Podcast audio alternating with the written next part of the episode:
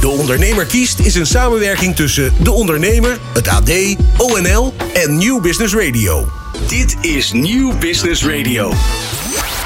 Dit is De Ondernemer kiest. Live tot 4 uur vanuit het Ondernemershuis Nederland in Den Haag. Kijk of luister mee via New Business Radio, ad.nl slash economie, de websites van regionale media en deondernemer.nl.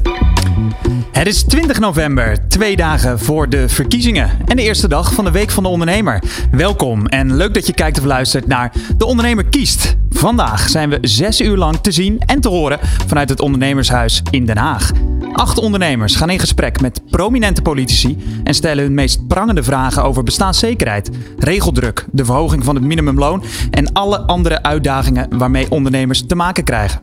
Welke politici kun je verwachten? We nemen je even mee in vogelvlucht door het programma. We openen het eerste uur met Sophie Hermans, nummer 2 op de lijst van de VVD. Om kwart voor elf gaan we in gesprek met Pieter Omzicht, lijsttrekker van Nieuw Sociaal Contract. In het tweede uur, om 11 uur dus, komt Jan Paternotte van D66, waarna we het uur weer afsluiten met Pieter Omzicht. Om 12 uur gaan we in gesprek met Hilde Palland-Mulder van het CDA. Tussen half 1 en 1 komt Laurens Dassen van Volt. En na 1 uur praten we met Joost Eerdmans van Ja21. En tegen 2 uur komt GroenLinks PvdA langs met Mariette Patijn. Tot half 3 schuift Mona Keizer aan van BBB. Waarna we om 3 uur nog één keer in gesprek gaan met Pieter Omzicht. Tussen de interviews door gaan we duiden met Hans Biesheuvel, voorman van ONL en gastheer van vandaag in het Ondernemershuis. En naast hem schuift ook consumentenpsycholoog Patrick Wessels aan. Presentatie vandaag is in handen van Ron Lemmens en mijzelf, Jonathan van Noort. En je hoort het al, het is een bomvol programma. Vandaag tussen 10 en 4 bij de Ondernemer kiest. Live vanuit het Ondernemershuis Nederland in Den Haag is dit De Ondernemer kiest. Presentatie Jonathan van Noort en Ron Lemmens. Yes, we zitten hier in het ondernemershuis met Hans Biesheuvel. Hans, ja, ik zal zeggen welkom, maar eigenlijk is dit uh, voor jou een thuiswedstrijd, hè? Goedemorgen ja, allemaal. hier hoor, een hartje Den Haag, gewoon lekker aan de bak. Uh, ik heb er zin in. Ja, uh, in het ondernemershuis zijn compleet verbouwd tot, tot studio. Voor de mensen die het nog niet weten, dit is jouw laatste maand als voorzitter, hè? Klopt, ja, ja. Ik heb tien jaar lang uh, keihard aan getrokken.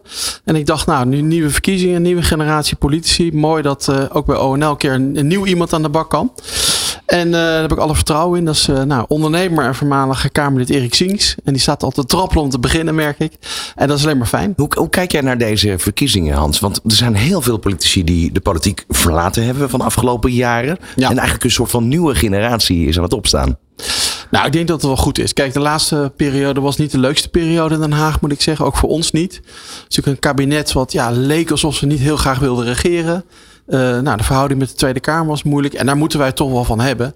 Dus ik vond dat er weinig geregeerd werd. En men was druk met elkaar. Ik hoop dat er nu een nieuwe generatie komt die weer ja, het land gaat regeren, keuzes maakt. Want dat is wat ondernemers willen, gewoon duidelijkheid. Zie jij een duidelijke verschillen tussen de beide generaties?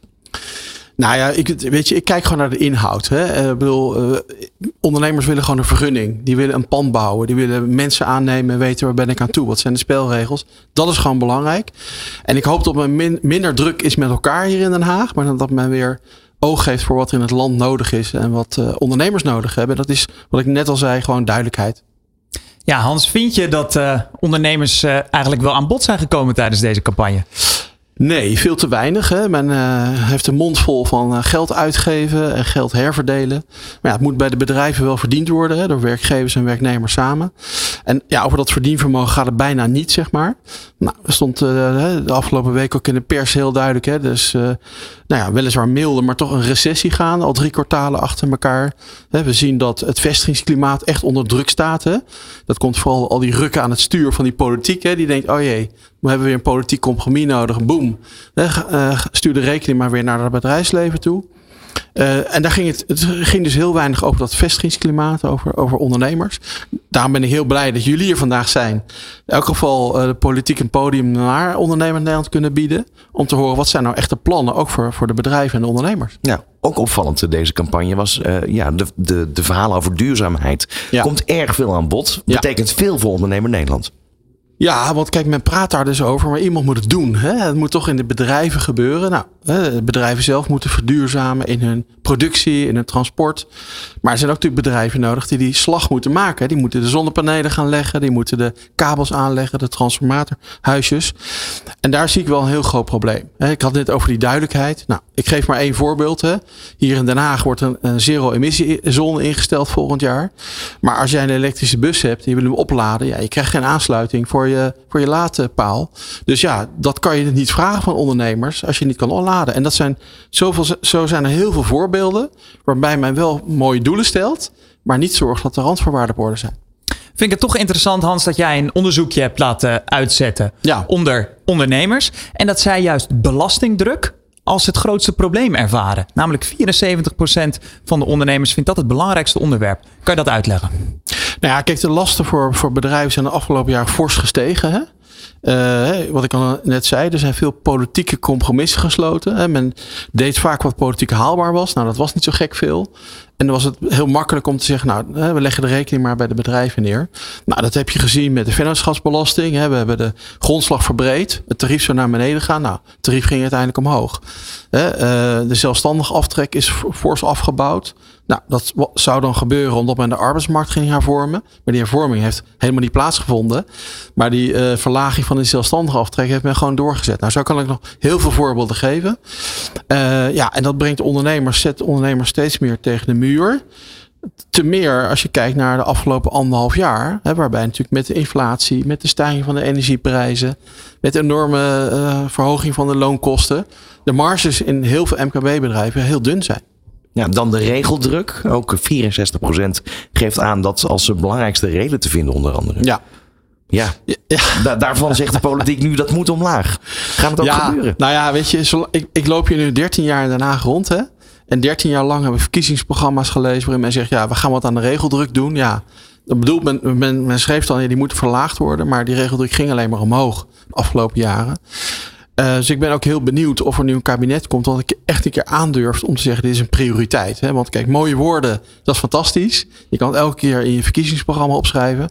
Maar men doet het gewoon niet. Hè? De regeldruk neemt alleen maar toe. En dan is het steeds ja maar, hè? ja maar. En daar wil ik echt vanaf. Ja, opvallend was ook dat deze campagne, het ging weinig over Europa. Terwijl daar natuurlijk ook nieuwe regels ontwikkeld worden. Nou, heel veel regels. Hè? Driekwart van alle regels die we in Nederland ervaren, vinden ze oorsprong in Brussel. Sterker nog, hè, wij zijn ook nog heel goed op om nog een kop bovenop te zetten in Nederland. Hè. Maken we het nog strenger, nog ingewikkelder. Uh, en ik zou zeggen, ja, besef dat we hebben de, de ruimte voor die bedrijven om te investeren, om mensen aan te nemen. De komende jaren heel hard nodig. Dus spaar ze nou een beetje en geef ze lucht. We gaan uh, straks nog verder kijken naar dit onderzoek. Hè. We kunnen gedurende de dag doen. We hebben ook een poll online staan, uh, Jonathan.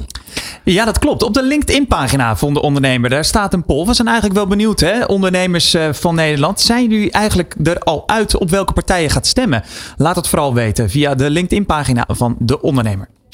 Dit is De Ondernemer kiest op Nieuw Business Radio. De ondernemer aan het woord.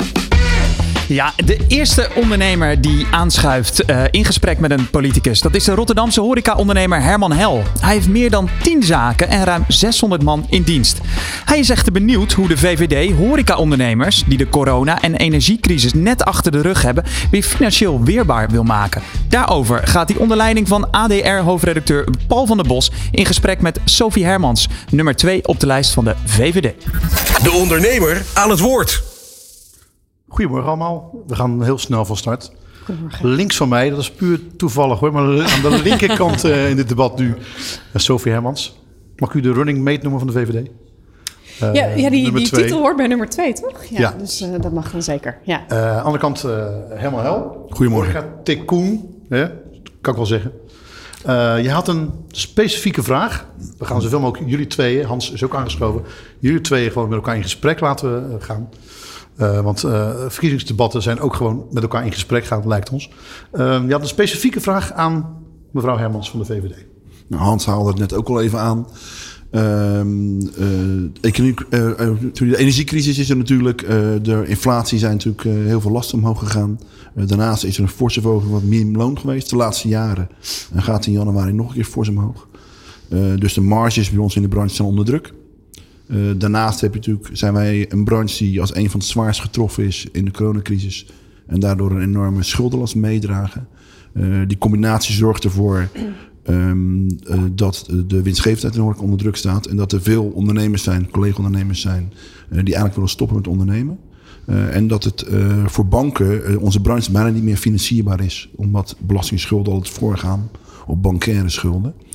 dus een concrete vraag is, um, wat doet de VVD om onze branche weerbaarder te maken um, en ook financierbaarder te maken vanaf volgend jaar?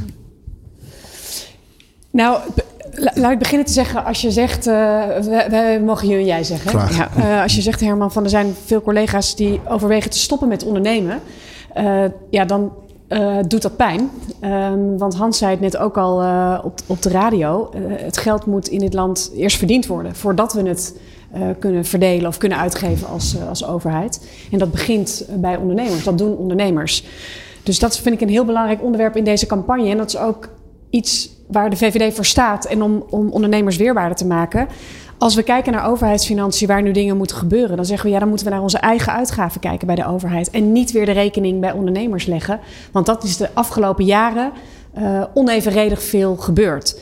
En ik kan elk stapje kunnen we, kunnen we hier bediscussiëren waarom dat op dat moment te verdedigen was. Maar als je alles bij elkaar optelt, al die rekeningen van de afgelopen jaren, dan is die, die druk, is die rekening uh, onevenredig uh, groot bij jullie, bij ondernemers neergelegd.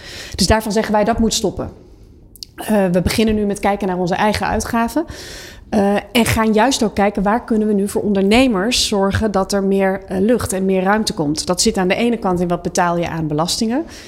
Heel concreet voorbeeld voor MKB uh, in, het, in de voorstellen die er nu liggen van het huidige kabinet Um, is het de bedoeling om de MKB-winstvrijstelling naar beneden bij te stellen? Of uh, die, uh, nou, die minder gunstig te maken. Wij zeggen nee, dat, dat moeten we juist niet doen. Want dat, door die MKB-winstvrijstelling creëer, creëren we ruimte voor jou, voor ondernemers, om te kunnen investeren in uitbreiding van je bedrijf, in mensen of in verduurzaming, wat natuurlijk ook een belangrijk element is. Ehm, de premie op arbeidsongeschiktheid willen we, willen we verlagen. Dus zo hebben wij een aantal voorstellen om de werkgeverslasten voor ondernemers, voor MKB'ers te verlagen. Um, ja, laat ik daar maar eens mee beginnen als antwoord. Ja, een deel is natuurlijk uh, verlagen van belastingen als ik specifiek naar de horecabranche kijkt, is het uh, grootste probleem op dit moment dat we natuurlijk vanuit die coronacrisis uh, belastingsschulden hebben. Een van de maatregelen uh, tijdens de coronacrisis, waarvoor nogmaals dank, is dat wij als branche zijn een tijd lang geen belastingen hoeven te betalen. Um, waardoor wij liquiditeit hadden om andere rekeningen te kunnen betalen en ons personeel te kunnen doorbetalen. Ehm, nu is de tijd gekomen dat wij die schuldenlast, die fors is in, in, in veel gevallen, gaan terugbetalen. Dat duurt tussen de vijf en zeven jaar, afhankelijk um, van hoe snel je dat kan doen. Um, en die schuldenlast zorgt ervoor uh, dat uh, onze banken, of onze uh, bedrijven bij banken um, een, een probleembranche is geworden. die wij zijn niet meer financierbaar geworden. En krijgen slechte ratings erdoor, ook bij, bij andere leveranciers. En, en ik denk dat primair het probleem meer zit bij de oude schulden uit de coronacrisis. dan alleen zeg maar, naar de toekomst toe verlagen van belasting. Uh, omdat die oude schulden leggen gewoon een last op ja, onze... die sleep je nu met je mee eigenlijk. Nou, die leggen een last op onze solvabiliteit. Ja. ja. wat is het gevolg daarvan? Nou, het, gevolg daarvan is, het gevolg daarvan is dat, uh, dat ondernemers die hun bedrijf willen verkopen... het niet meer kunnen verkopen omdat kopers niet kunnen financieren. Het gevolg daarvan is dat wij niet meer kunnen verbouwen of niet meer financiering kunnen aangaan.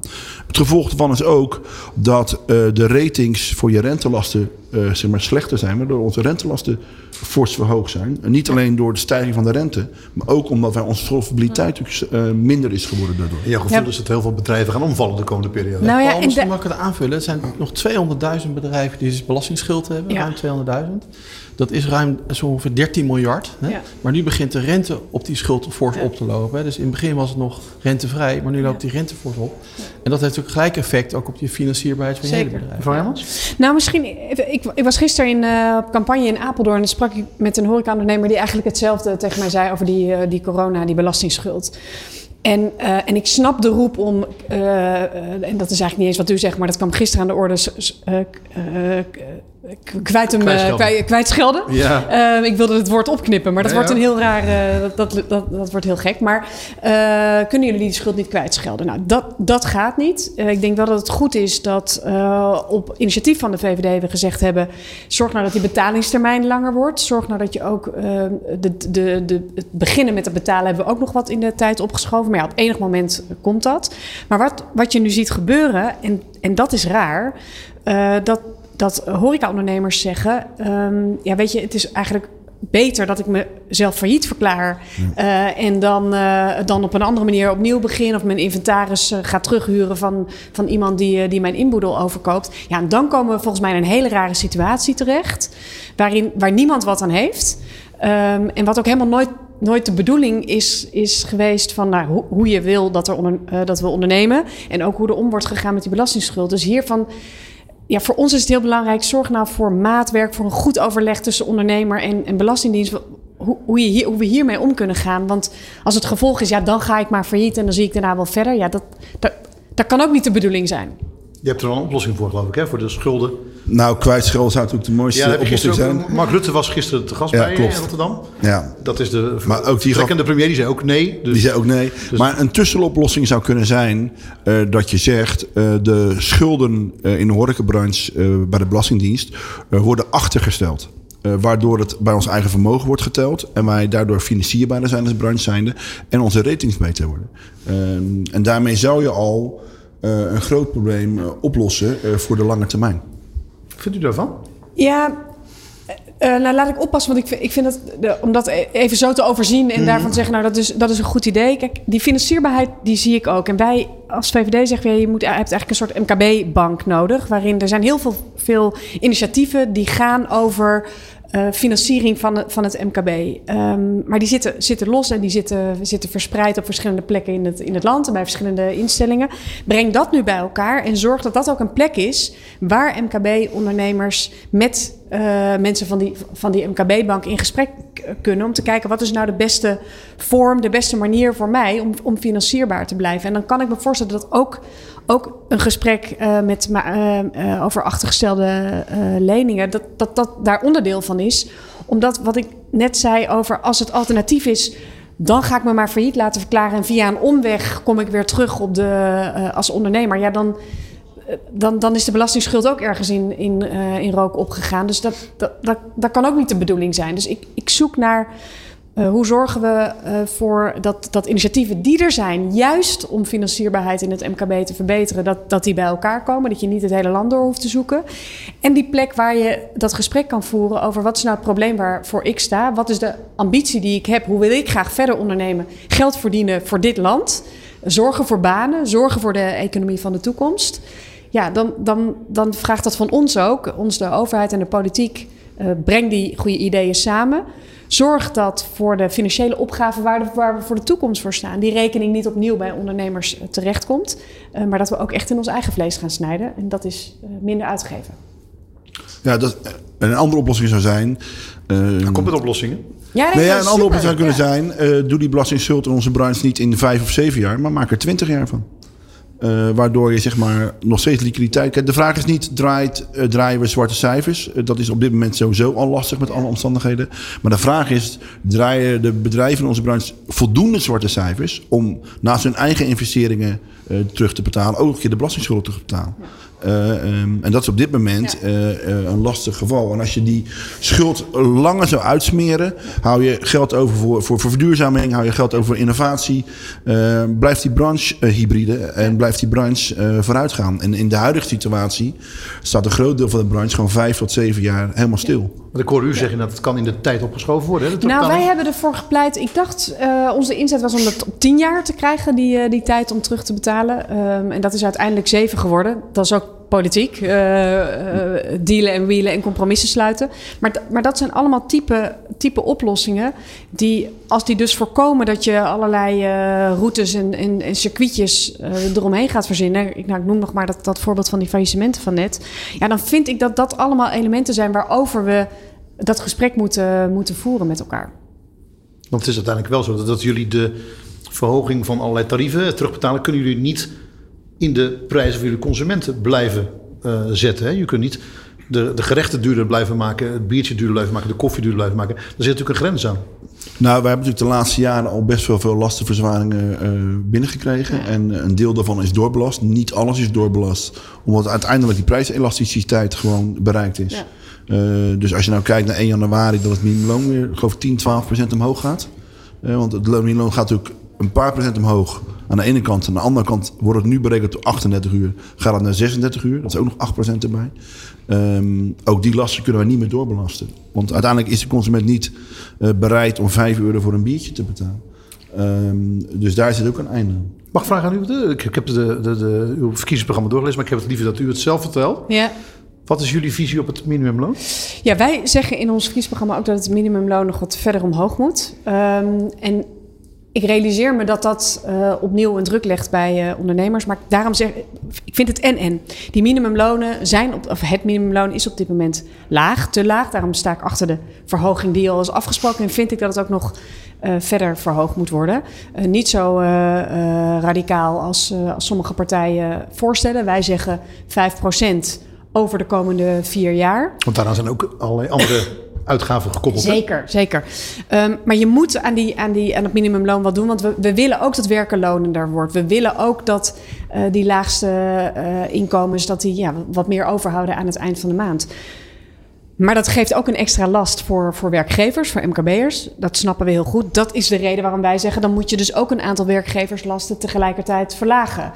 Um, en niet, eh, dus wij zeggen verlaag en leg niet verder nog een rekening bij ondernemers neer. Er zitten hier straks partijen, uh, Jan Paternotte van D66, uh, een collega van PvdA GroenLinks. Ja, daar zitten lastenverzwaringen voor het bedrijfsleven, voor ondernemers in, van 15 bij D66 en 25 miljard bij PvdA GroenLinks. En, en dat wordt gepresenteerd als dat doen we even bij de grote bedrijven. Dat zijn de grote winsten en de grote vermogende uh, particulieren. Nee, als je zoveel belasting gaat heffen, dat komt gewoon terecht bij Herman en, uh, en al zijn uh, collega's in het, in het land. Er is een neveneffect van die minimumlonen. het feit dat mensen die nu binnenkomen bijna net zoveel betaald krijgen als mensen die al langer bij jou in dienst zijn. Ja, de laatste jaren is het minimumloon natuurlijk al een paar keer fors verhoogd. Ja. Uh, uh, daar komt nog bij dat 1 januari er nog een verhoging komt. Maar de grootste verhoging zit hem eigenlijk in het feit dat de berekening niet meer is over 38 uur, maar over 36 uur. Wat ook weer over 8 of 9 procent erbovenop is. Uh, en dat houdt erin dat in de horeca CAO functiegroepen 1 tot en met 5 al hetzelfde gaan verdienen. En dat, dat, dat accepteren onze, me, onze medewerkers natuurlijk niet. En terecht. Uh, waarom, even voor de, waarom accepteren ze dat niet? Nou, als iemand een, een, een eerste medewerker is, of een floor manager is, dus al wat langer werkt en meer ervaring heeft. En, en, en, en, en meer verantwoordelijkheid ook waarschijnlijk. Meer verantwoordelijkheid, ja. uh, licht, uh, licht um, leidinggevende capaciteit heeft. Um, die verdienen een paar jaar geleden hetzelfde, minder dan nu het minimumloon straks wordt. Uh, dus die willen natuurlijk ook heel, in heel die keten gaan dan de lonen omhoog. Uh, of mensen zeggen ja, het is, of niet. Of mensen zeggen we verlaten de branche. Ja. Um, en nogmaals, ik gun mijn medewerkers het allerbeste loon wat er is. Uh, voor mijn part verdienen ze 30 euro per uur. Um, mits we dat kunnen doorbelasten in onze prijzen. En, en die elasticiteit die is er op dit moment uit. Mag ik even de, de vraag van Hans? Hans zei bij de inleiding van ik hoor al 13 jaar lang. Nou, stel dezelfde vraag. 13 jaar lang minder regelgeving. Ja, ja waar blijft die? Ik, de mindere ik ben de afgelopen weken vol het land ingegaan. en de grootste kritiek die ik mee heb gekregen is... ja, hè, de VVD belooft al al die jaren lang... al die verkiezingsprogramma's, hiervoor onder Mark Rutte... de regeldruk gaat naar beneden. Al die tijd de minister van de EZK van de VVD gezeten. En het enige wat wij ervaren is dat de regeldruk alleen maar omhoog gegaan is. Ja. Dus de vraag is, ja, de VVD belooft het nu weer. Maar ja, kunnen we nou berekenen dat de VVD het een keer gaat waarmaken? Hoe zie je dat? Ja, nou, ik, ik, dit, uh, ik wil dolgraag die regels naar beneden. Overigens niet alleen uh, bij, uh, in het MKB en bij ondernemers, ook in de zorg, ook in het onderwijs, op heel veel plekken. Het is heel hardnekkig. Ja. dat dat ben, ik, ben ik echt direct met je eens. We hebben gepleit een aantal jaar geleden voor een MKB-toets. die is er ook gekomen. Je kan je vraag, afvragen of die, of die nu goed werkt, hè, of dat we die nog veel steviger in moeten zetten. Maar die gaat er juist over. Als we hier beleid maken, moet je ook een toets doen. Hoe pakt dit nou uit voor het MKB? Of komt er nou een onevenredige lastendruk of regeldruk bij maar, ondernemers respect, terecht? maar ik ga één ding zeggen. Nee, Hans, ja. ik wil nog even wat afmaken. Want elke keer um, als ik de, de, dit gesprek of deze discussie heb... dan zeg ik maar, doe mij een lijstje. Ja. Met drie, drie. Weet je, we gaan niet gelijk tien of honderd... maar doe er drie, de grootste stenen des aanstoots... waar ik uh, morgen of overmorgen, uh, of als de nieuwe Kamer op 6 december geïnstalleerd is, mee aan de slag moet. En dat lijstje, ja. Dat krijg ik ook nooit. Ja, ik, ik begrijp dat punt. Hè. Dat, dat hoor ik vaker terug vanuit de VVD. Tegelijkertijd zie je, het zit niet alleen altijd in de regel zelf. Hè. Het zit ook vaak in de uitvoering. Hè. Het wordt als regel druk ervaren, maar het zit vaak in de uitvoering. Het zit ook vaak in de stapeling hè, van Maar dat mag ook. Een voorbeeld van, daarvan mag ook. Hè? er komt iets uit Brussel, er komt iets uit de provincie, er komt iets uit de gemeente, er komt iets uit Den Haag. Het is ook de stapeling van dingen. En niemand heeft echt overzicht over die stapeling. Komt wel allemaal op je bordjes ondernemer terecht. De kosten, het gedoe, zeg maar. En het stapelt zich zo gigantisch op. De ondernemer zeggen, het ondernemen, de lol gaat er echt af. Is dat eigenlijk concreet? Geef mij gewoon drie. Nee, maar laten we het dan zo afspreken. Want ik snap ook wat je zegt over die, over die stapeling. Het komt van verschillende. Ja, en de uitvoering, hè? Vergis je niet. de uitvoering. dus de stapeling. En dat raakt de uitvoering. Ja. Maar laten we drie voorbeelden, aan, kan aan de hand van casuïstiek zijn. Dan uh, beloof ik ja. dat ik, want ik heb de collega's in provincies, uh, gemeenten. Uh, Brussel is altijd een iets lastiger verhaal, maar ook die, daar heb ik collega's zitten. Dat ik echt ga kijken, wat kan ik hier in Den Haag doen? En wat vraagt dit van mijn collega's lokaal of provinciaal? We hebben hier een maar dan heb ik wel, tafel, hè? Nou ja, misschien heeft hij helemaal een voorbeeld. maar dan wil ik wel één. concreet. Want, want als we allemaal blijven zeggen, minder regels. We kregen van de week... Kregen Zonder de verplichting om het gelijk op te lossen, maar... Nou, ik wil wel binnen van... Uh, we moesten een lijst invullen van alle bedrijven over uh, waar we nog konden bezuinigen in energie. Voor mij krijgen we die... Maar van wie moest dat? Ja, uh, van een van de 7000 instanties waar we mee te maken hebben. uh, ik heb geen idee. Uh, moet, je moet van elk bedrijf moeten we, dan moeten we eens in een, twee, drie jaar volgens mij. dan moeten we een energiescan doen. waarmee we dan nogmaals aangeven dat we over ledverlichting hebben. En dat we energiezuinige ovens hebben. dat is heel veel werk. Want je moet al je apparatuur langs, je moet al je dingen langs. Dan heb je gelukkig weer adviesbureaus die dat dan voor, voor veel geld voor je willen doen. Nou, in onze geval gaat het allemaal maal 12. en uiteindelijk komt er dan uit dat het op orde is. Ja. Um, en, zo, en dat moet je elk jaar doen? Voor mij is het eens in de twee, drie jaar deze. Maar ik wil een heel concreet voorbeeld geven. Hoor. Je moet vanaf 1 januari je moet je alle vervoersbewegingen... al je medewerkers gaan registreren en vastleggen. Hè? Nou, als je ziet wat dat alleen maar voor een werk is... en wat levert het een ondernemer op? Helemaal niks. Extra kosten, heel veel lasten. Uh, en, dat, en je zet je ook nog eens een keer vaak tegenover je medewerkers, hoor ik. Hè? Want het is een soort gevoel van, hey, Big Brother's watching you. Ja, nou, dat is een typisch voorbeeld waarin je ja, totaal doorgeslagen. En welk uh, nut heeft het? Helemaal niks. Dus we hebben de energiescan, ja. de voor mij, ja, ja, voor mij is het de DCMR die die energiescan eist. De Milieudienst in, in Rotterdam. Ja, okay. regio. Oké, dus daar heb ik daar mijn collega's in Rotterdam voor nodig. Dus u gaat Rotterdam bellen en u gaat bellen met uh, het ministerie van... Van de vervoersbeweging. Van de vervoersbeweging. Dat zijn, maar zijn concrete Nee, maar dit helpt. Maar even, want ik zei dit niet om mm. flauw te doen. Um, alleen, we, je, we kunnen soms in de politiek en dan in discussies met elkaar blijven op een hoog abstractieniveau hangen. Dan pak ik er liever twee of drie van die concrete voorbeelden uit. Gaan we daar gericht mee, uh, mee aan de slag. Kijken of het lukt. En dan maar, maar vinden we onderweg vast Maar vast gaat de VVD het waarmaken? Dat vragen eigenlijk al je ondernemers ons. Na twaalf jaar belofte. We gaan de regeldruk verminderen. Twaalf jaar minister van de EZK.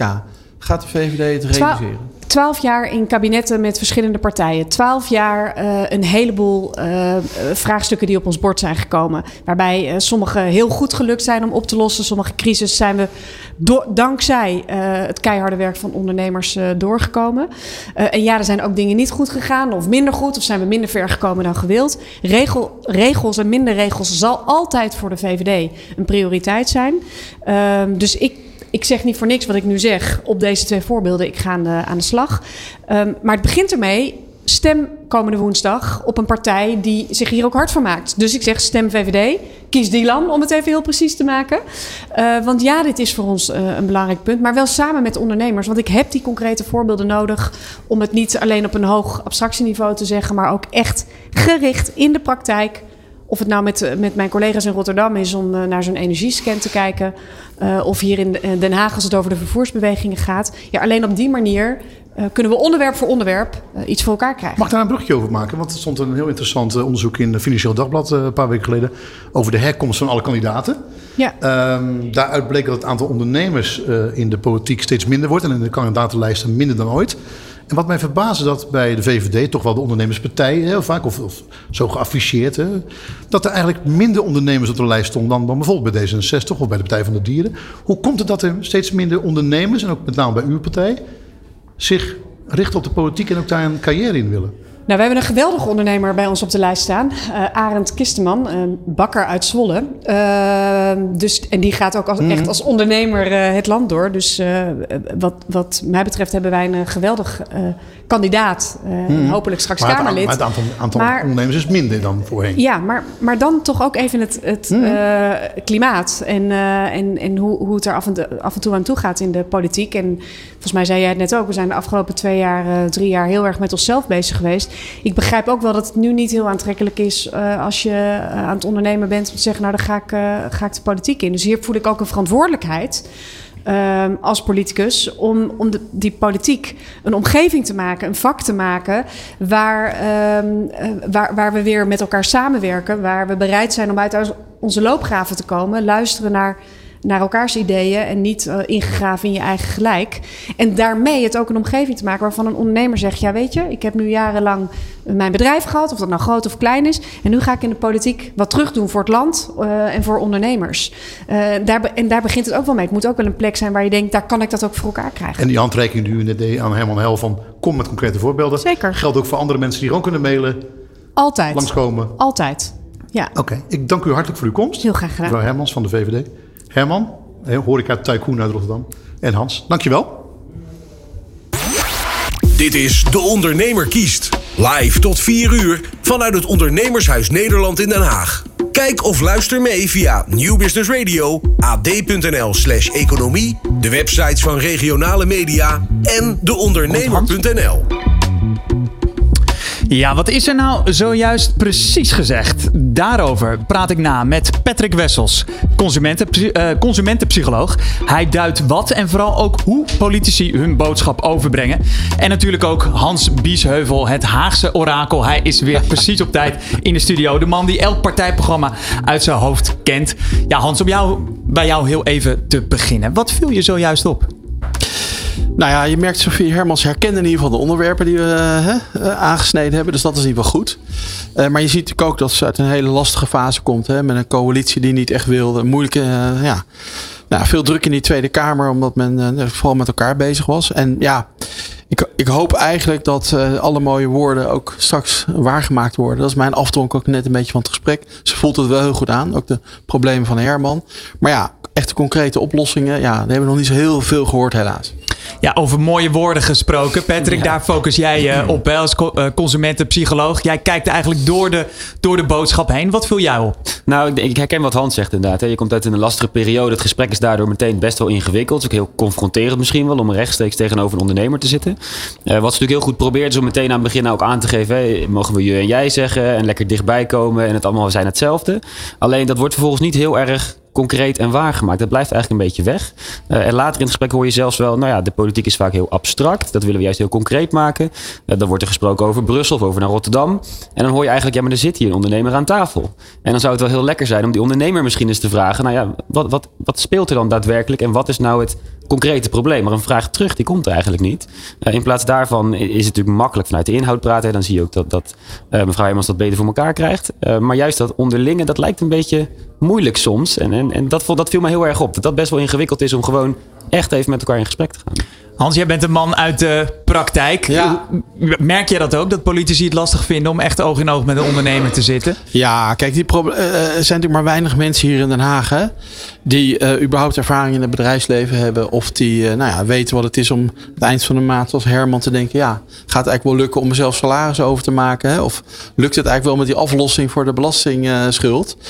en, en neem van mij aan, heel veel ondernemers zitten elke maand voor dat dilemma. En dat, dat, dat is natuurlijk ja, in Den Haag een soort papieren werkelijkheid. Waar men zelden of nooit mee geconfronteerd wordt. Dus ik begrijp wel dat het moeilijk is om zich in te leven. Dat is een van de redenen waarom wij hier ook in Den Haag dat ondernemershuis hebben opgericht. Om ze dan in ieder geval hier met ondernemers steeds in gesprek te laten gaan. Uh, maar ik moet eerlijk toegeven, dat was de afgelopen anderhalf jaar lastig. Omdat men het zo druk had met elkaar. Dat zelfs ja, de gang naar het ondernemershuis niet, niet altijd even makkelijk was voor ze. Patrick, hoe heb jij überhaupt de VVD deze campagne ervaren? Nou ja, kijk, de VVD is natuurlijk klassiek de ondernemerspartij. Het komt net ook al even ter sprake. Uh, maar het lijkt er een beetje op dat ze die rol ofwel lijken te verliezen, of dat het in ieder geval moeilijker is om dat maar te bevestigen de hele tijd. Er zijn andere partijen die proberen ze in te halen, linksom of rechtsom. Um, en, en ja, ze zijn een beetje zoekende naar hoe gaan we dat nou teruggrijpen, lijkt het bijna. Net wordt er nog even heel kort genoemd dat er wat andere partijen zijn die 15 tot 25 miljard willen bezuinigen. Wat steekjes uitgedeeld. Uh, maar dat komt niet helemaal over alsof die, onder, die VVD nou kan zeggen: wij staan naast jou als ondernemer, we begrijpen je en we gaan samen aan de slag. Dat, dat ontbreekt eigenlijk een beetje. En daar had ik meer van verwacht eerlijk gezegd. Uh, dat vind ik niet het, het, sterkste punt van de VVD tot nu toe in de campagne in ieder geval. Ja, Hans, dan kijk ik toch weer gelijk naar jou. Is dat ook iets wat jij vanuit ondernemers hoort? Ja. Van, hè, waar, is mijn VVD misschien ja, wel? Ja, kijk, de VVD was natuurlijk van, van oudsher de, de, de ondernemerspartij. Ja, ze zijn vooral de partij geworden, denk ik, van ja, de coalitie bij elkaar houden. En dat, dat is dan zeg maar een paar keer gelukt en de laatste keer dan niet. Uh, ja, en dat heeft tot steeds minder herkenbaarheid van die VVD geleid. En dat gevoel van ze staan naast ons, nou dat is al lang weg kan ik je zeggen. En wat je uh, sterker nog ziet, hè, dat de VVD wordt degene, als degene gezien die steeds met dat pasje langskomt bij die pinautomaat. Oh ja jongens, we hebben jullie nu weer even nodig. Even niet moeilijk doen. we hebben weer wat extra belastinggeld van jullie nodig ondernemen. Dat is als ik het land in ga bij ondernemers op dit moment het beeld. En natuurlijk schrijft men nu in het verkiezingsprogramma weer wat anders. Maar ik hoop dat men uh, ja, toch iets meer gaat waarmaken van waar men in het verleden voor stond. Ook weer iets meer naast die ondernemer gaat staan. Maar alsnog, als we de peilingen, uh, recente peilingen de, ja. uh, erbij pakken, staat VVD nog steeds bovenaan. Weliswaar samen met de PVV. Maar het lijkt alsof ja, de partij er, uh, er geen last van heeft dan. Nou ja, ze staan natuurlijk wel op zes zetels verlies ten opzichte van wat ze nu hebben. Dus ik bedoel, ze staan redelijk in de peiling, maar ze zijn er wel zes, minder dan ze nu in de Tweede Kamer hebben. En het hoogtepunt van Mark Rutte had hij 41 zetels. Hè. Nou, nou, stel wordt nu 26. Nou, dan heb je toch voor ze ingeleverd. En ik denk, eerlijk gezegd, ik kan dat niet bewijzen. Maar dat veel ondernemers uh, vooral zijn afgehaakt en meer bij andere partijen terecht aan het komen zijn. Vanwege wat we net uh, besproken hebben. Dat ze niet echt meer de ondernemerspartij zijn. Hans, even inhoudelijk over uh, wat we net hebben gehoord. ook wel leuk, Herman en Hermans. Dus dat, was, dat, ja. dat is even verwarrend. Maar laten we het over Herman Hel hebben. Hij zegt, ja, wij staan er als horeca slecht voor bij banken. Waarop Sophie Hermans zegt, ja, wij willen eigenlijk juist die financiers bij elkaar brengen. Een soort MKB-bank. Ja. Wat vind jij daarvan? Nou, kijk, dat laatste idee, daar wordt natuurlijk al lang over gesproken. En ik heb daar helemaal geen bezwaar tegen. Dat gaat natuurlijk het concrete probleem van Herman niet oplossen. Want kijk, voor dat zo'n MKB-bank daar is, ben je een paar jaar verder. Nou, daar kan hij uh, niet op wachten met zijn uh, smalle marges en, en, schulden. Ik denk wat uh, Herman zelf aangaf, hè, van geeft die ondernemers de kans om die schuld over langere termijn terug te betalen. Ik zou ook zeggen, laat die rente niet oplopen over die schulden. Ik zou zeggen, laat die rente gewoon weg. Want we hebben onevenredig veel van die ondernemers gevraagd. Hè? Ook in coronatijd. Nou, daar heeft Dylan Jezekels afgelopen zaterdag in het Financieel Dagblad ook zelf toegegeven. We hebben onevenredig veel van ondernemers gevraagd. Nou, doe dat nu wat terug voor Herman. Smeer die schuld uit bijvoorbeeld over 20 jaar en doe de rente eraf. En dan kan hij het betalen. Kijk, ik ben niet voor, voor zomaar kwijtschelden. Dat zeg ik er eerlijk bij. Want 90% van de bedrijven heeft gewoon zijn belasting betaald. Al, hè, ook in coronatijd. Dus ik zou het niet ver vinden om te zeggen, nou, ga maar kwijtschelden. Maar smeer het dan over heel veel lange tijd uit. Duidelijk antwoord. Komende uren blijven we met jullie twee uh, duiden. Patrick Wessels, consumentenpsycholoog. Hans Biesheuvel, voorman van ONL. Dit is De Ondernemer kiest op Nieuw Business Radio de ondernemer aan het woord. Kijk Jonathan, we gaan naar het eh, volgende gesprek. En dat heb jij eerder deze week gehad. Ja, helaas kon uh, Pieter Omzicht er vandaag niet bij zijn. Maar vorige week had hij wel degelijk tijd om met de ondernemer in gesprek te gaan. En natuurlijk ook met Hans Biesheuvel. Samen met de Utrechtse modeondernemer Daan Broekman ging uh, Pieter Omzicht uh, met Hans Biesheuvel vorige week dus in gesprek. Daan was onder andere benieuwd of hij bij een stem op Pieter Omzicht een stijging van het minimumloon kon verwachten. Een vraag die veel leeft bij, uh, bij ondernemers. En uh, over ondernemers gesproken. Pieter Omzicht is na jaren Kamerlid te zijn geweest bij het CDA. Sinds, sinds kort zijn eigen partij NSC begonnen. Daarom vroeg ik hem eerst ook of hij zich nu ook zelf een beetje een ondernemer voelt. Nou, eh, wij zijn niet in loondienst als Kamerleden. We krijgen een schadeloosstelling. Uh, dat is niet de, de, de, hoogte is niet het probleem. Hè. Dat is een prima vergoeding. Um, maar uh, je bent sowieso een klein beetje zelfstandiger. Je wordt zelfs volgens de grondwet geacht zonder last te stemmen. Ehm, en ehm, als, je het, als je het over een kleine onderneming wilt hebben, ja, dan uh, op het moment dat je een eigen uh, fractie hebt, uh, formeel heet het dan bij mij een groep, en dat betekent dat je drie kwart minder budget hebt dan een eenmansfractie, dus dat is best wel vervelend. Ja, dan ben je een klein ondernemer. Dus ik heb voor het eerst de afgelopen twee jaar te maken gehad met ehm, alle dingen waar een kleine ondernemer tegenaan loopt. Het afsluiten van pensioencontracten, het doen van de verzekeringen, nadenken wat, wat er gebeurt bij loondoorbetaling, bij ziekte, nou al dat soort en beviel dat? Als, dat nee, eigenlijk niet. Nee, nee, nee. Als je nou vraagt van, is dat nou leuk om dat erbij te doen? Nou, hmm, het zou niet mijn favoriet hobby worden, nee. nee. Nou ja, regelgeving is een van de dingen waar we het uh, ja, ik over gaan. nu allemaal, die regels. um, ik was eigenlijk ook wel benieuwd, staan er ondernemers bij u op de lijst? Uh, ja, Tjebbe van Oosterbrugge. Uh, een vrij groot eigen bedrijf gehad. Um, die staat bij ons op de lijst. Um, Femke Zeedijk komt bij ASML vandaan. Uh, er komen dus best een aantal mensen uit de private sector in, op onze lijst. En kan je dan spreken echt van een ondernemerspartij, het NSC? Nee, het is niet zo dat wij een soort. Uh, wij, wij, uh, dat we Nederland als een BV zien. of dat we denken dat, dat er alleen ondernemers zijn. we hebben dit eh, de, de, partij opgericht uit, uit onvrede um, over hoe het uh, bestuur in Nederland functioneert. Uh, want we denken dat die schandalen die we gezien hebben, of het nou um, toeslagenschandaal is of, um, of het gasschandaal, waar beide overigens ook best wel wat ondernemers veel last gehad hebben van de Belastingdienst, doordat ze op zwarte lijsten stonden en geen kant op konden. Dat is een beetje een onderbelicht verhaal geweest. En ik heb ondernemers die op die FSV-lijsten staan en daaraan onderdoor gegaan zijn. Faillissementen en huizen, huizen weg. En, hè, dus, um, dus het is meer het algemene bestuur, waar natuurlijk ook omgang met ondernemers, maar omgang met alle burgers bij hoort. Maar we hebben wel heel bewust gezocht naar een, ja, naar een beetje mix um, van waar mensen vandaan komen in de samenleving. Ik was trouwens Harm Holman vergeten op Twitter, um, agrarisch ondernemer. Uh, u bent vast tijdens deze campagne op, op bedrijfsbezoek geweest. Bedrijven langs. Klopt dat? Nee, niet zoveel eigenlijk. Nee? Uh, ik heb wel veel mensen gesproken. Maar um, um, uh, het rare van deze campagne voor ons, en dat, uh, dat, dat wordt een beetje onderschat, is dat ik inderdaad een, geen MKB ben, maar een klein, heel klein bedrijfje. Dus daar waar um, andere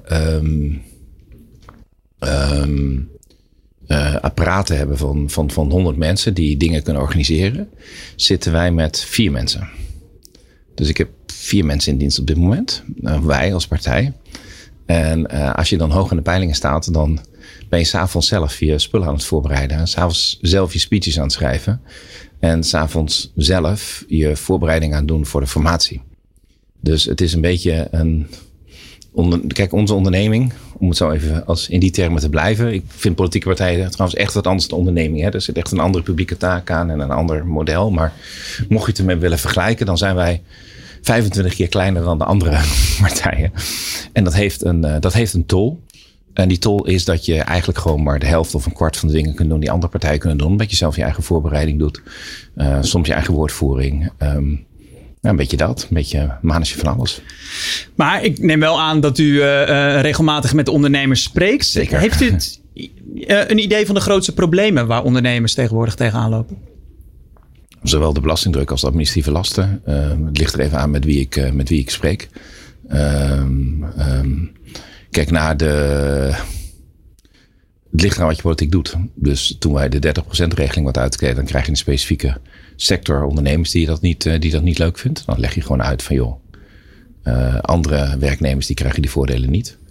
Uh, maar ja, de grootste problemen die ik zie is, zijn juist die twee categorieën. De, de, de regelgeving en soms ook de, en, en, en voor sommigen de belastingdruk. Helder. Um, wij gaan wat punten behandelen, onder andere uit uw partijprogramma, maar ook punten, ja, eigenlijk vragen vanuit ondernemers. Eén vraag daarover is over het, uh, de, de, mogelijke verhoging van het minimumloon. Dan pak ik even uw partijprogramma erbij. Daarin staat bestaanszekerheid betekent allereerst dat we het wettelijk minimumloon en de daaraan gekoppelde uitkeringen gaan herijken. Uh, Dat gaf stof tot nadenken voor Daan Broekman. Daan, kan jij uh, schetsen de situatie waar jij tegenaan loopt met het minimumloon en wat een eventuele herijking of een verhoging voor jou zou betekenen? Ehm, ja, een herijking is natuurlijk zeggen, het is misschien een beetje aan de ene kant onduidelijk, maar we hebben natuurlijk andere partijen gezien. we gaan naar 16 en misschien wel naar 18 euro per uur. Um, en niemand bij mij verdient minimumloon. En ik, ik gun ook iedereen een, een goed uh, netto inkomen. Ehm, als ik dan ook kijk naar de afgelopen jaren, dan komen we van uh, 12,12 euro. We gaan nu naar uh, eh, 13 euro nog iets. En dan gaan we verder naar 16 euro. En dan komt echt wel het rendement van een bedrijf. Um, met nu ongeveer 28 FTE komt echt wel onder druk te staan als we dat zeg, zo gaan verhogen in dit tempo. Want we komen al best wel van ver, laat ik het zo zeggen. En als we dat concreet maken, jij zit in de, in de spijkerbroeken. Hoeveel moet je er extra verkopen als dat minimumloon stijgt? Ja, ik heb het volgens mij 5000 genoemd. En uh, ja, het gaat bij ons om uh, ongeveer, zeg als we naar 16 euro gaan, gaat het ongeveer op 150.000 euro extra salariskosten. Um, omdat je eigenlijk iedereen in je hele je loongebouw gaat eigenlijk omhoog. En natuurlijk um, mijn bedrijfsleider die gaat ook waarschijnlijk meer verdienen omdat iedereen dichter bij elkaar gaat komen. Um, ja, daar heb je 5000 spijkerbroeken voor nodig. Dat zijn er een hoop die je in één winkel moet verkopen. Ja, meneer Omtzigt, herijken. Uh, in, in een uitzending van het programma Buitenhof heeft u het ook genoemd. Het zal een stukje stijgen. Ja, kunt u uh, Daan Broekman uh, van duidelijkheid voorzien? Wat betekent het ja, herijken bij u? Nou ja, ik ben degene geweest die twee jaar geleden die motie ingediend heeft om te kijken van is het bestaansminimum, kun je daarvan rondkomen? Nou, dat, dat wisten we al dat het voor bepaalde groepen niet mogelijk was. Um, we wisten heel goed dat het eigenlijk onmogelijk is voor de eenverdiener. Dus als je partner niet werkt. En we weten dat het ook eigenlijk wel onmogelijk is voor de 18 of 19-jarige die alleen woont en op het jeugdminimumloon rondkomt. Um, gelukkig heeft het kabinet daar wel iets actie op ondernomen. Dus het minimumloon is een stukje omhoog gegaan. En de toeslagen zijn ook een stukje verhoogd. De huurtoeslag en het kindergebonden budget. Um, wij willen dat gewoon elke paar jaar herhalen. Om ervoor te zorgen van het minimum dat je daarvan rond kunt komen. En dat is een samenspel tussen uh, minimumloon, toeslagen en belastingen. Um, en dat, ja, dat klinkt natuurlijk weer ingewikkeld. Um, maar dat je iedere keer moeten bekijken. Dus ik heb wel eens gezegd van... kijk eens naar uh, het Groot-Brittannië of, of, of, Duitsland... waar je een living wage uh, commissie hebt... of een mindestensloon in, in Duitsland... waar dan gekeken wordt van hoe zorg je... Dat je naar beide kanten kijkt van wat er gebeurt. Dus zowel wat er op de arbeidsmarkt gebeurt als dat mensen er van rond kunnen komen. Want beide kanten moet je in de gaten houden. Um, wat er sowieso moet gebeuren, zeg ik maar even, is het jeugdminimumloon moet een stukje omhoog. Um, voor 18-jarigen die 6,60 euro verdienen. Um, uh, daarvan weten we dat jongeren die dan alleen wonen, omdat ze bijvoorbeeld geen ouders meer hebben, die kunnen soms rechtstreeks naar de schuldhulpverlening, want je kunt er niet van rondkomen. dus uh, ik kan me heel goed voorstellen dat dat naar 8 tot 9 euro gaat. Uh, wat ik niet wil is dat dat naar 16 euro gaat. Daar heb ik ook met Frans Timmermans nu twee keer over geclashed. Ik denk dat het gewoon onverstandig is om um, uh, alle 18-jarigen 16 euro te doen. Want ik denk dat vooral mensen die op MBO 1 of MBO 2 niveau um, net wel of net niet die arbeids, die, die startkwalificatie hebben. Dat ik gewoon bang ben voor hoge jeugdwerkloosheid. Uh, in Spanje hebben we dat gezien. Hè? Mm -hmm. In Spanje heeft het minimumloon verhoogd en het jeugdminimumloon afgeschaft. En dan kom je, ja, dan, die hebben een jeugdwerkloosheid van 27 procent. Wij ongeveer 8 procent. Ik zal het toch even een beetje in de gaten houden. Uh, maar, maar samenvattend. Uh, het gaat wel een stukje omhoog. Het gaat minder extreem omhoog uh, dan, bij, dan bij andere partijen. Maar u durft Daan geen zekerheid te geven wat dan een stukje is. Dat lijkt me voor hem vrij lastig. Nou, uh, wij houden met beide kanten rekening. Dus uh, zowel met de arbeidsmarkt, uh, als de arbeidsmarkt het dragen kan, als hoe die inkomens het dragen kunnen.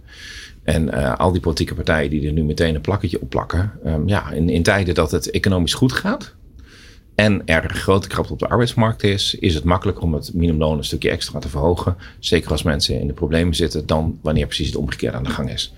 En omdat je met beide rekening houdt, ben je daar, ja wat minder precies in. En al die partijen die nu heel hard roepen van...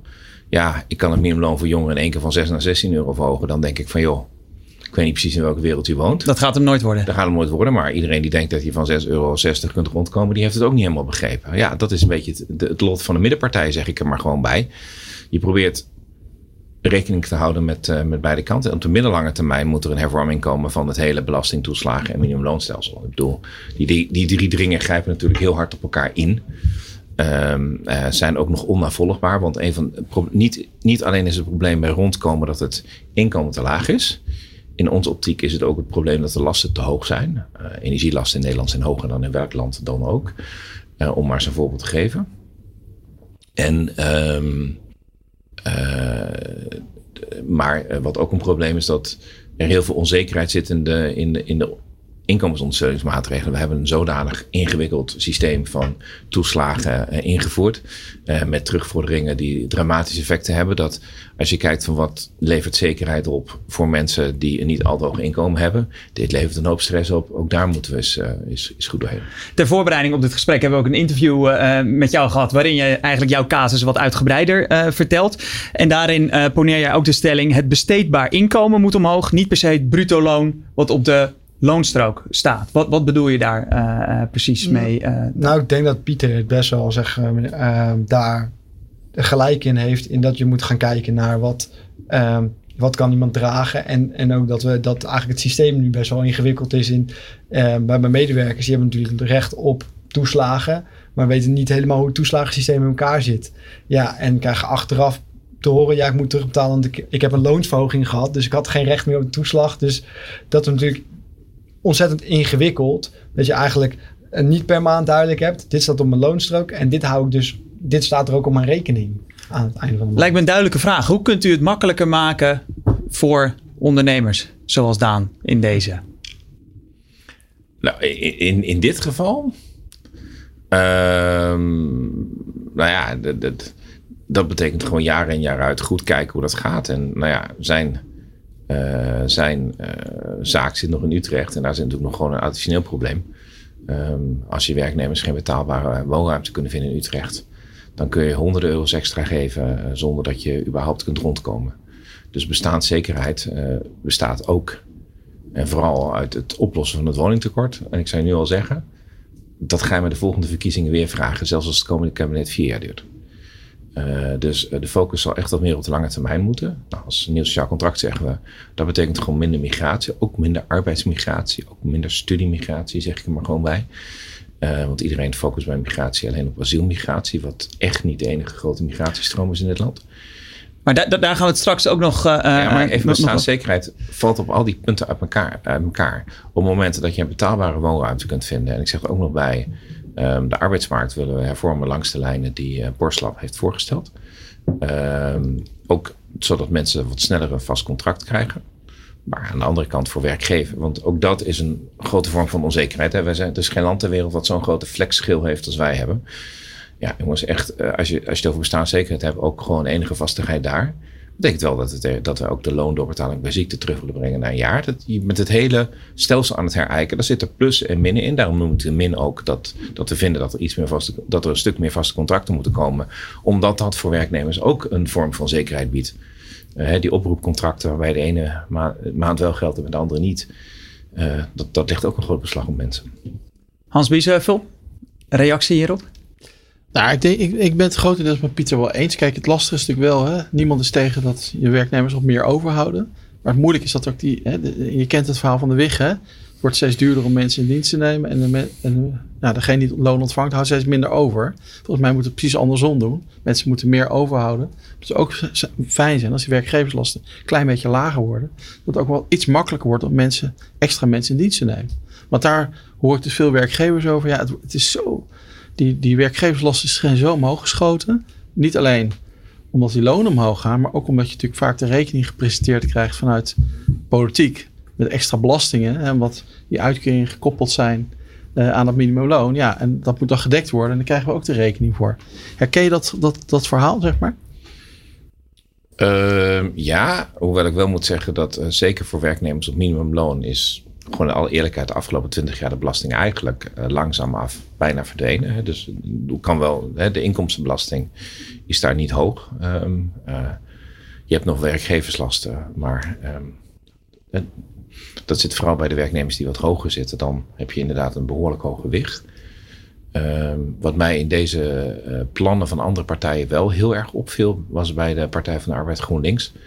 Dat men een belasting op box 2 vermogen ging invoeren. Dat heb ik eigenlijk nog nooit gezien in een. Uh, kijk, je kunt het leuk vinden of niet, maar een, een, percentage winstbelasting kan een procent omhoog en een procent omlaag gaan. Uh, we kennen onze, we kennen de voorkeur, dat is allemaal, nou ja, een politieke keuze. En linkse partijen zullen hem vaak net even iets hoger zetten dan rechtse partijen. En als een middenpartij zitten we er dan weer tussenin. En nou, weet je, dat, dat, dat komt allemaal wel.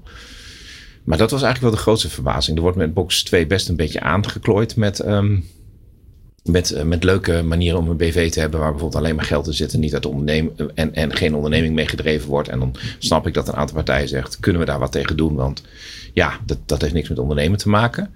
Maar de belasting die we daar zien, die wordt over al het ondernemingsvermogen geven bij uh, Partij van de Arbeid GroenLinks. En dat, het 2% van je.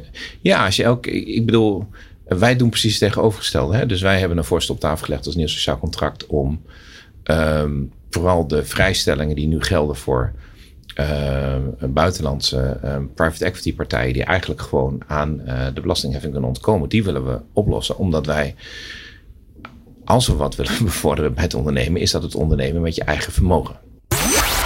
Dit is De Ondernemer kiest. Live tot 4 uur vanuit het Ondernemershuis Nederland in Den Haag. Kijk of luister mee via New Business Radio, ad.nl slash economie, de websites van regionale media en deondernemer.nl.